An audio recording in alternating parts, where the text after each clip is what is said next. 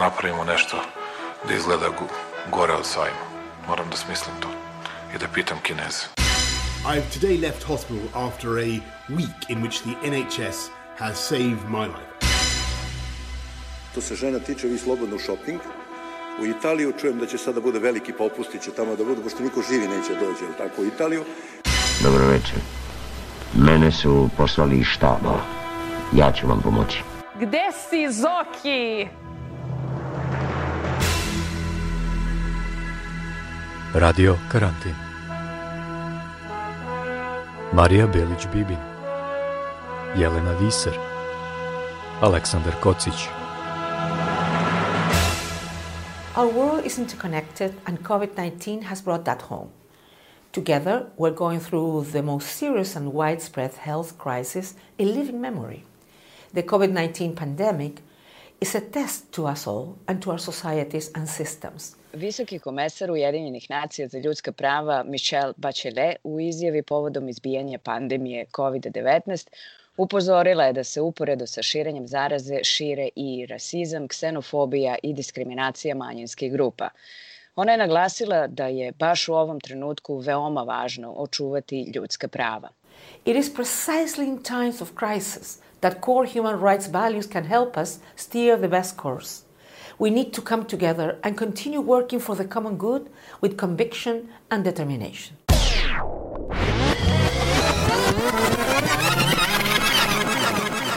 Radio Karantin Dobrodošli u novi Radio Karantin.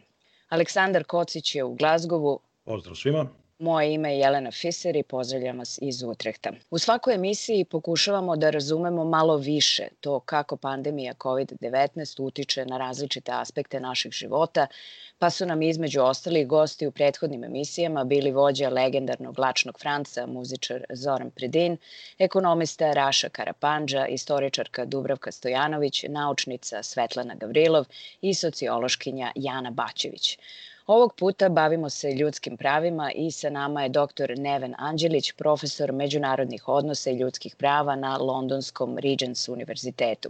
Profesore, dobrodošli, kako ste? E, dobar dan, hvala vam lijepa. Pa dobro, mislim, malo se ovako zatvoreno osjećam, ovaj, već ovaj, tri mjeseca puno da smo s ograničenim pravima kretanja i mnogim drugim, tako da to je, ali zdravlje je u redu i to je najvažnije. Radio Karantin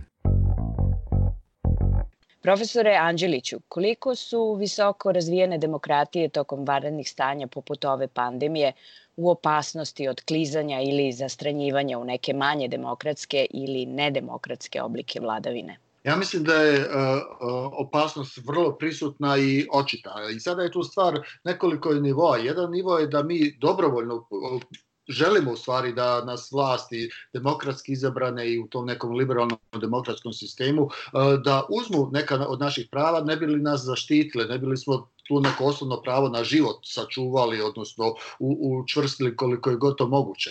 I tu je sada osnova nekog problema da se to tumači onda u interpretaciji ovih na vlasti je da ljudi dobrovoljno stupaju. Znači neka osnova, ona neka stara teorija društvenog ugovora o kreiranju države gdje se mi odričemo jednog dijela prava da bismo utvrdili, zaštitili drugi, drugi dio prava.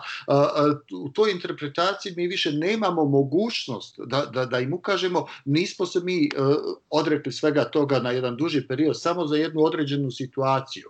I tu je sada vrlo važno da se institucije sistema odupru tome. E sada je tu problem suspenzija rada parlamenta koja je bila prisutna u mnogim državama. Potom individualno neki od lidera koji su uzeli velika, velike ovlasti, pitanje da li će se vratiti, Evropska unija je bila vrlo kritična prema mađarskom premijeru Orbanu, na kraju su, oni su ignorisali sve te kritike, a, a sada izgleda da su u, u se krenule neke od oblasti vraćati, odnosno dakle da nije to bilo, uh, iako na papiru zakonski nije bilo ograničeno vremenski, ali uh, izgleda da uh, se u neki rikvrc krenulo. A u, u Britaniji također recimo čin glasanja o suspenzije rada parlamenta, načina koji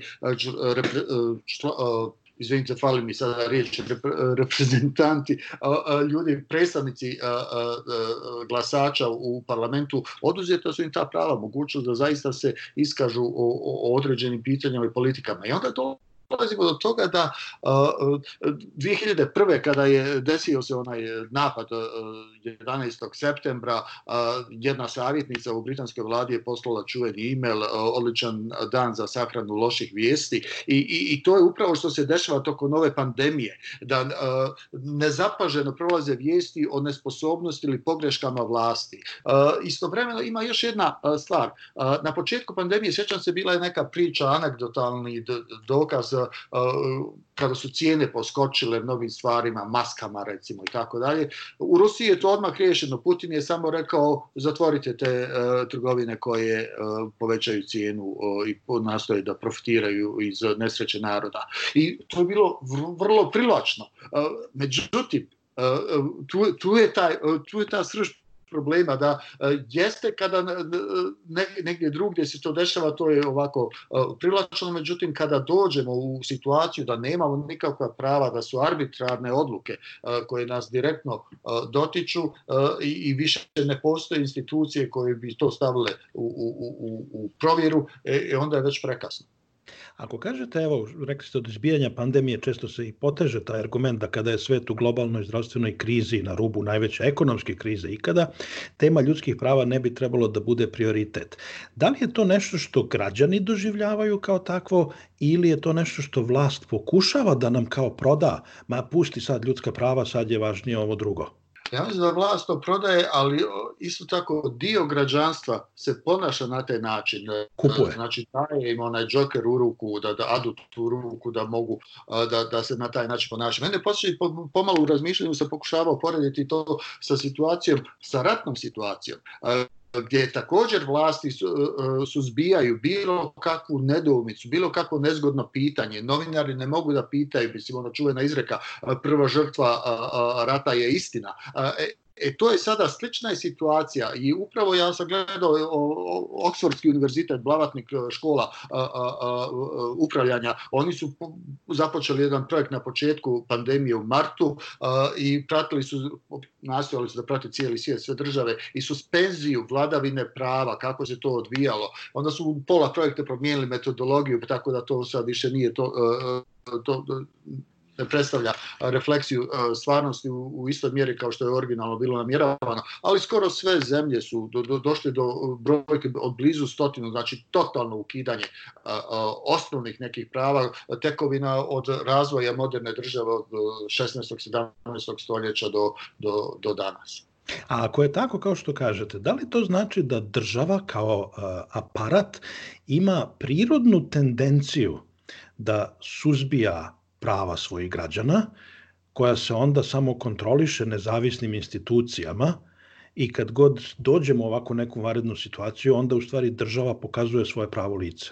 Na abstraktnom nekom uh, primjeru mogli bismo se mogli bismo se saglasiti da je to za, zaista tako. Međutim, onda dolazimo Britanija, mislim, iz sasvim drugih razloga, ja bih rekao manje e, zbog neke ljubavi i određenja prema sistemu ljudskih prava, a više zbog nekog tog e, e, libertarijanskog pristupa vladavini i, i što manje ulozi države da bi se omogućio procvat biznisa i, i dodatno bogaćenje te neke elite. A, a, imamo drugačije pristupe i e, na neki način moguće je e, izvršiti sve neke te provjere i e, obuzdati svemo, svemoć države. Ali međunarodni ugovori su suspendovani a, granice su se zatvorile. Znači sve države u Evropi, ajde da se fokusiramo na, na, na evropske države, su zatvorile svoje granice. A, a, Schengen, taj čuveni simbol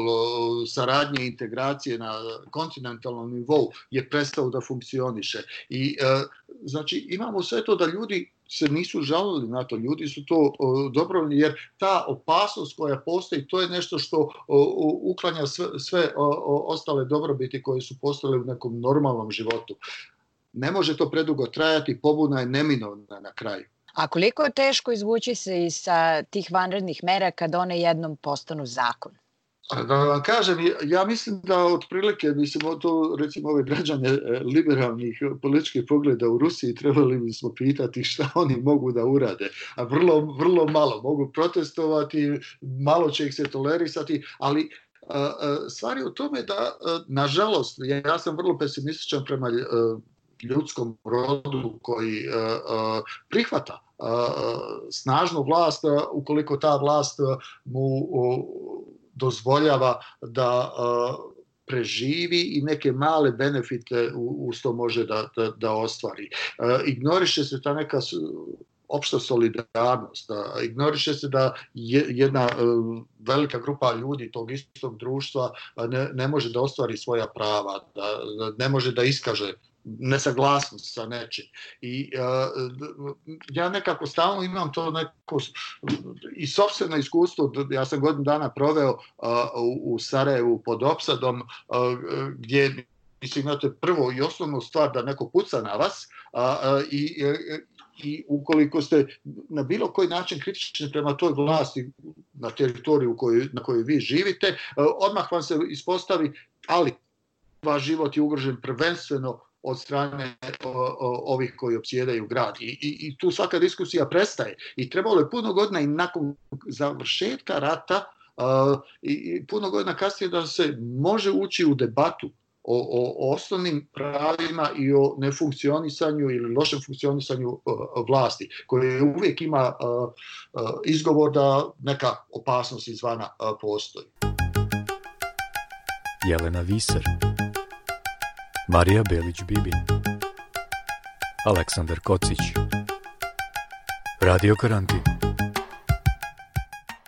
U zemljama u kojima su ljudska prava ugrožena još i pre pandemije, vanredno stanje otvorilo je tamošnjim vlastima put ka skoro otvorenoj diktaturi. Na primer, spomenuli ste Orbana u Mađarsku, on je uveo neograničenu vladavinu dekretom, Vučić je u Srbiji proglasio vanredno stanje mimo parlamenta i praktično se stavio iznad ustava. Koliko su ljudska prava dodatno ugrožena u takvim društvima? A to je, mislim, možemo ići sada na neke detalje, da recimo u, u, u Srbiji bilo, bio slučaj hapšenja novinarke a, a, zbog e, iskaza kritičkog suda o, o, o politici vlasti. U Turskoj ja mislim da je oko 400 bilo ljudi koji su bili e, privedeni zbog e, iskazivanja nepovjerenja ili širenja glasina što su uh, u vlasti Turskoj interpretirali uh, ili neistina. Uh, imamo, ja mislim da je jučer prekjučeru da je umro predsjednik Burundija koji je potpuno ignorisao ovaj pandemiju, ali je vlast bila vrlo čvrsta tamo i sa jednom drugom ideologijom su tamo se postavili čovjek je ironija je umro vjerovatno od korone. A, a, znači, ove primjere koje ste e, naveli, a, to, to je stvar da imamo isto tako diskriminacija na, po osnovi životne dobi, što je u Srbiji bio slučaj, preko 65 godina ne mogu da napuste domove u Bosni i Hercegovini je bio, sličan slučaj, ali zbog načina političkog sistema drugačija vlast nije bila skoncentrisana u rukama jednog čovjeka, a, a malo je širi krug ljudi bio koji je uživao, nazovimo to tako, u, u, u svojim velikim ovlastima i, i, i u moći. Ja mislim da, da, da je to kratkoročno da, da oni mogu cementirati svoju vlast, tome u prilog govore i ovo raspisivanje izbora skorih, e, da se iskoristi ta neka trenutačna dodatna popularnost ili odobravanje, jer nije bilo previše smrtnih slučajeva, uvijek ima neki loš primjer iz liberalnih sredina gdje je smrtnost bila znatno veća, tako da na kratkom roku će se vlast legitimizirati i zadržati, na dugi rok ja mislim da pobudne su neminovne u nekom e, stadiju budućnosti e, jednostavno društvo to više ne može izdržati. A na koji način međunarodna javnost može da utiče na takva pomeranja u nedemokratskim društvima sada kada je svaka država pojedinačno okupirana rešavanjem pre svega zdravstvenih i ekonomskih, sobstvenih zdravstvenih i ekonomskih kriza? I na koji način se uopšte diplomatija i međunarodni odnosi menjaju u vanrednom stanju kao što je pandemija? Pa imate tu uh, više primjera. Jedan je recimo na početku, ja nisam sada, uh, ali recimo u prvih mjesec dana uh, Savjet bezbjednosti Ujedinjenih nacija se uopšte nije sastajao. Znači imate jednu krovnu organizaciju globalnu i, osnovno tijelo gdje se globalne velesile sastaju i dogovaraju o nekoj zajedničkoj policiji, oni uopšte to nisu radili.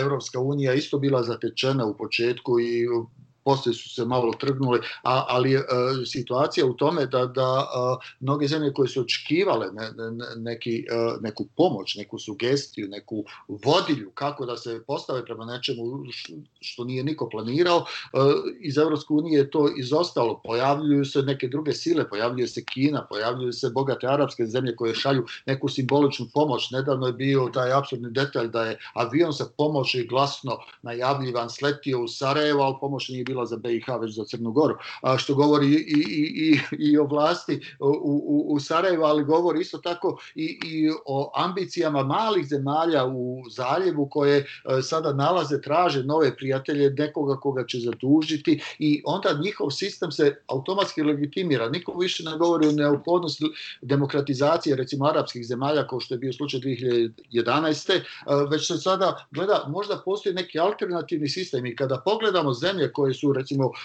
postkomunističke zemlje, to je takvih zemalja, ja mislim 20 preko 20 u, u, u Evropi, a, o, malo koja od njih je dos, dostegla stepen liberalne demokratije. To su neki hibridni režimi, uglavnom, pogotovo u zemljama bivše Jugoslavije. I ti hibridni režimi ne žele više da gledaju prema a, Evropskoj uniji kao modelu kako bi se oni a, formirali a, u budućnosti, prvenstveno jer onda ti ljudi autokrate više ne mogu zadržati vlast, već gledaju te alternativne modele arapske zemlje iz zaljeva, Rusija, Kina, to su modeli e, gdje e, nije ni malo prijatno biti manjina bilo koje vrste.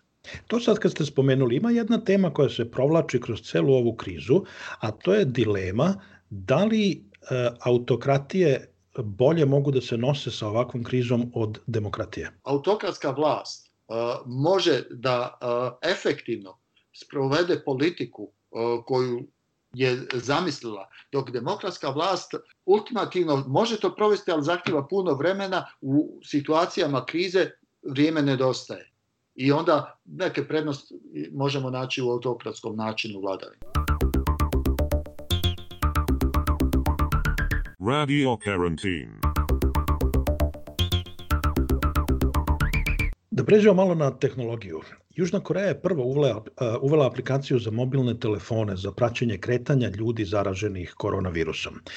Izrael se tokom pandemije takođe koristi sofisticiranim merama praćenja i nadzora kojima se inače koristi tamošnja kontrateroristička obaveštajna služba. Ljudi su recimo od vlade dobijali SMS poruke da se sklone u izolaciju jer su upravo bili u neposrednom kontaktu sa osobom zaraženom koronavirusom. Izvori kažu da podaci građana koji su prikupljeni tokom pandemije ostaju u bazi podataka vlasti. I druge države su uvele ili najavljuju pojačane mere nadzora. Koliko je naša privatnost u opasnosti tokom ove varene situacije? Situacija? Ona je u potpunoj opaznosti, ali ona već je bila ugrožena recimo sa sistemom naplate karata za javni transport gdje vi dotaknete sa svojim telefonom ili sa nekom tom Oyster card ili nekom drugom vrstom karte rampu na ulazku u stanicu i znači neki ime, imag, imaginarni kontrolor on može da zna tačno gdje ste i kada ste putovali, gdje ste se fizički nalazili. To je bilo i prije ove pandemije. A sada mi na, u stvari pristajemo na to da nam se apsolutno zna ko je bio u našoj blizini da, da bismo potencijalno sačuvali zdravlje. George Soros je 2019. godine u Davosu na Svjetskom ekonomskom forumu upozoravao upravo na to kada u spregu dođu režimi tipa kineskog režima, znači jedan jednopartijski režim koji kontroliše društvo apsolutno i, i nova vrhunska tehnologija koja omogućava takvom režimu da uspostavi apsolutnu kontrolu nad društvom. Gdje više neće biti partijski funkcioneri ti koji će odlučivati o našim sudbinama, da li ćemo napredovati u karijeri ili nećemo, već će to biti neki algoritam koji će ustanoviti na, na osnovu prepoznavanja našeg lica ili praćenja našeg telefona, gdje smo bili, da li smo prisutvovali nekom sastanku, da li smo bili na nekoj utakmici na kojoj se možda desio incident, da li smo bili u grupi ljudi koja je negodovala protiv neke politike vlasti i na osnovu toga će se odrediti naša sudbina, naš život. E onda dolazimo u jedan sasvim drugi segment koji smo nekada gledali naučno-fantastičnim filmovima. A do koje mere vlast u vanrednoj situaciji poput pandemije sme da ograniči kretanje i okupljanje? I šta je starije? Moje pravo da se krećem ili a, zahtev države da me zaštiti? Ja mislim da je to refleksija sukoba različitih ljudskih e, prava koja postoji u svakodnevnom životu. Pravo, recimo, imali smo 2005. godine one karikature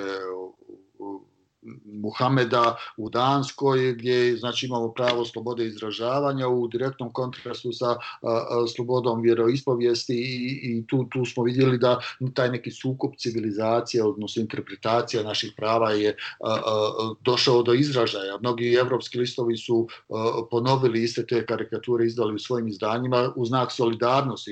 Sovremeno muslimani širom svijeta su protestovali zbog toga. Znači u, u, s tim u vezi mi imamo sada situaciju da se pitamo koje pravo je jače, koje je starije, koje treba da ima prioritet. Ja bih lično u optimističnom raspoloženju govorio o individualnim pravima, o ljudskim pravima kao dominantnim, jer bez toga civilizacija će propasti. Kada sam pesimistički raspoložen, onda se razočaram u čovječanstvu, u društvu i onda želim državu da bar država bar malo zaštiti neke osnovne mogućnosti da se može preživjeti težak period.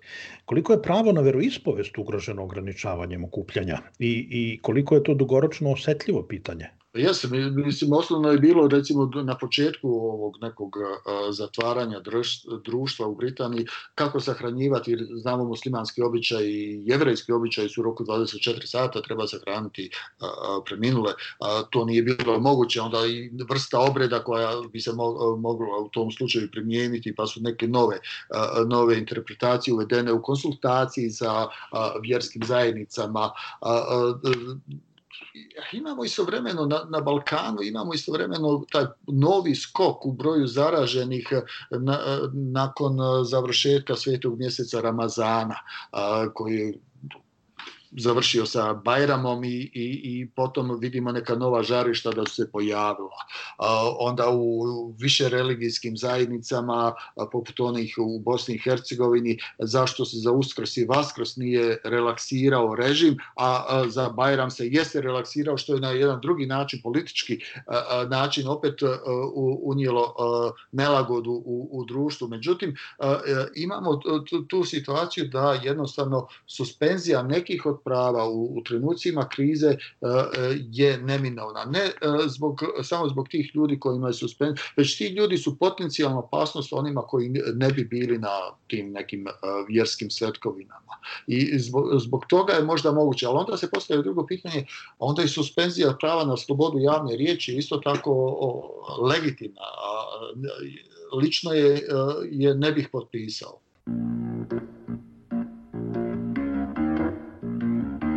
Radio karantin. Vidimo i da sve veći broj država insistira, naročito u SAD, na neodložnom povratku na business as usual.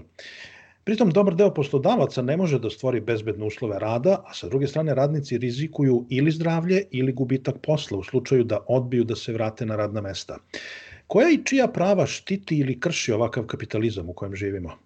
Ovaj kapitalizam u kojem živimo, njegov o, o, oblik e, krši prava svih nas e, i o, e, ono što je bilo popularno, mislim vidimo da periodično imamo te proteste ko što je Aida Hođi koju ste spomenuli rekla da je protest prerastao u socijalni bunt.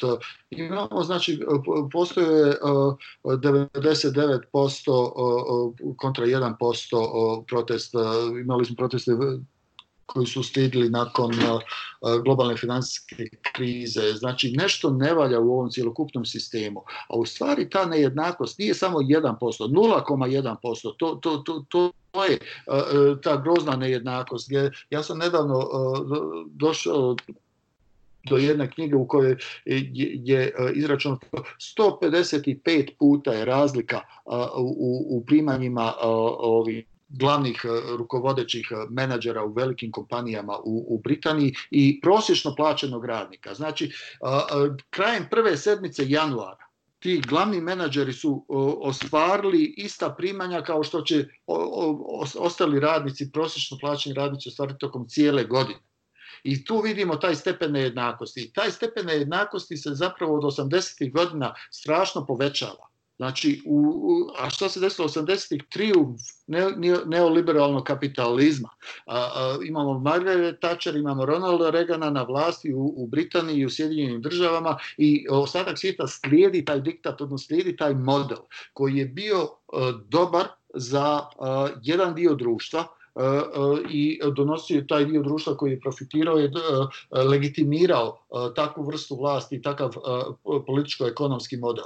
Međutim, jednostavno taj političko-ekonomski model, vidjeli smo to, e, e, nekontrolisani sektor bankarstva, finansijski sektor od 2007. godine, 2008. godine, zatim državna administracija, također neizabrana, ne odgovara nikome. Jedini sektor, znači imamo triumvir, triumfirat vlasti treći dio, treći segment, a to su političke elite, oni su izabrani. I onda imamo reakciju običnog puka koji zapravo uh, je žrtvovan u svemu tome, jer je iz budžeta su spašeni i finansijski sektor koji je uzrokovao krizu, uh, čim parama, parama običnih ljudi koji su izgubili poslove, izgubili kuće. I imamo reakciju za koga alternativa. Alternativa je populistička, alternativa nije demokratska, liberalno-demokratska. I sada imamo paradoks da liberalno misleće intelektualne elite zapravo su na istoj strani sa finansijsko-kapitalističkim elitama, onim 0,1%, jer se protive uzurpaciji tekovina vladavine prava koje su se uspjele uspostaviti tokom posljednjih 200 godina. Svetski ekonomski forum nedavno je objavio da su neke od posledice pandemije mogle biti izbegnute, da su se poštovala ljudska prava. Recimo da je veći broj imao pristup univerzalnoj zdravstvenoj zaštiti, bilo bi više testiranja, da je antidiskriminacijona politika bila jača, bilo bi proporcionalno manje zaraženih među određenim etničkim grupama, kao i da je nasilje, na že, da nasilje nad ženama ne bi bilo u tolikom porastu tokom pandemije, da su politike rodne jednakosti bile snažnije. Ako su ovo spoznaje koje je pandemija dodatno osvetlila, možemo li da govorimo o nekom globalnom resetovanju osnovnih ljudskih prava? E, to je pozitivni izlazak iz ove krize, nešto čemu se trebamo nadati. Negativni izlazak iz ove krize je da vratimo futbal. Meni je u na početku globalne pandemije je jedna naučnica rekla zašto mene pitate? Pitajte futbalere, oni su plaćeni za to, mi nismo plaćeni, naučnici nisu plaćeni za to. Sada su svi ti, mislim, svi ti elementi koje ste spomenuli, uključujući nasilje nad ženama, uključujući diskriminaciju manjina, došli su na vidjelo, moje jedini strah da se to vrlo brzo može zaboraviti. Jer ne zaboravimo, pred sam početak pandemije, barem u britanskom društvu, ova trenutna vlada je bila ozbiljna u namjerama da de facto uništi nacionalni zdravstveni sistem. Sada se ispostavilo da jednostavno nacija bi nestala bez tog na, uh, zdravstvenog sistema, da to nije moguće, ne da nije mudro, nego da nije ni moguće i da moraju nešto raditi, da moraju investirati u taj sistem. Znači, na neki način ovo resetovanje što ste spomenuli, ja mislim da će se desiti, ali bojim se da neće u punom obliku u kojem bi trebalo. A koji su to mehanizmi u društvu a, koji bi nam eventualno pomogli da se fokusiramo, da, da fokus ostane na a, poštovanju ljudskih prava i da se one iznesu i eto, eventualno i resetuju na kraju ove priče? A tu imamo a, a, strašnu važnost medija da, da drže tu temu u javnosti. Znači, to je prvi korak, kroz medije, da se omogući glas naroda, aktivista, nevladinih organizacija, stručnjaka u, u, u oblasti. Međutim, pod, u situaciji kada smo privilegovani dobrim ekonomskim periodom, mi svi zaboravljamo to i onda želimo više ovaj, zabave i puštamo da, da, da se dešava i da nam rade šta, šta god žele. Ili je možda scenario ono što je pre neki dan sam video jednog od demonstranata u Vašingtonu, koji učestvuje u stvari u neredima i pali tamo nešto, da li je bilo ispred one crkve koja je preko puta Bele kuće ili tako negde i kad ga novinar pita pa zašto nasilje, zašto palite ovde, kaže to je jedini način da nas čuje. Kad mi izađemo mirno da demonstriramo, on nas ne čuje. Ovako će da nas čuje. To je tačno. Apsolutno se slažem. U, u Bristolu su nasilno uklonili statu rasiste iz, iz prošlosti i to je osuđeno, to je vandalizam, međutim da to nije urađeno. Ne bi sva diskusija trenutno u Londonu debata koje e, statue treba ukloniti, koje treba i ostati. Znači ne bi se ništa desilo. U Oxfordu je bio veliki protest, studenti traže uklanjanje a, a, imperialiste iz, iz doba kraljice Viktorije, uklanjanje statue e, sa univerziteta. Znači bez elementa anarhizma, nasilja, nažalost, elite su navikle da mogu jednostavno da ignorišu, da, da, da tolerišu nekoliko dana protest, da tolerišu temu prisutnu u javnosti nekoliko dana ili sedmica, sve će to polako se zaobići, doći će neka nova tema i oni će opstati bez ikakvih uh, suštinskih uh, sistemskih promjena. To je slučaj, eto, u tim razvijenim demokratijama, u razvijenim državama, neka vrsta anarhizma, vandalizma koja se koristi znači u sistemima koje imaju te a, relativno jake mehanizme kao što su mediji i civilni sektor. Šta onda preostaje a, društvima u ovim nerazvijenim demokratijama ili nedemokratskim društvima, kojim sredstvima oni mogu da se posluže na kraju da bi zaštitili svoje prava ili obezbedili određena prava. U društvima sa manje razvijenim demokratskim sistemima prioriteti su pomučeni i, i, i e, neka identitetska politika je prvenstveni razlog da se bira jedna ili druga partija. I e, s tim u vezi retorika koja se upotrebljava u izbornim kampanjama nije retorika o, o poboljšanju o ekonomskih prilika ili društvenih prilika u društvu, već je retorika o a, a, suzbijanju potencijalnih neprijatelja, uklanjanju njih iz društva ili iz okoline. A, na koji način sada recept neke, to je taj problem što recept ne postoji. A, obrazovanje bi trebalo da bude recept, ja mislim da je tu u velikoj mjeri a, a, negativan a, ciklus koji je pokrenut sa a, padom komunizma u svim postkomunističkim zemljama obrazovanje je bilo razvijeno. Sada imamo jedna opština blizu Sarajeva, prigradska opština Trnovo, ima preko 10% nepismenih. To nije postojalo u, komunizmu. Ja ne zagovaram komunizam kao politički model, već želim da naglasim da sistem, obrazovni sistem u tim društvima je bio uspostavljen.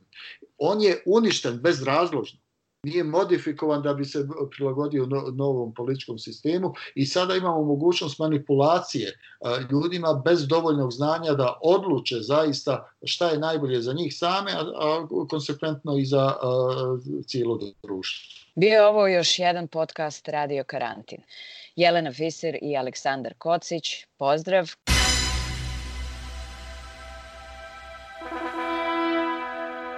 Moramo da napravimo nešto da izgleda gore od sajma. Moram da smislim to i da pitam Kineze. I've today left hospital after a week in which the NHS has saved my life. To se žena tiče, vi slobodno u shopping. U Italiju čujem da će sada bude veliki popusti, će tamo da bude, pošto niko živi neće dođe, ali tako, u Italiju. Dobro večer. Mene su poslali iz štaba. Ja ću vam pomoći. Gde si, Zoki? Radio Karantin. Marija Belić-Bibin Jelena Viser Aleksandar Kocić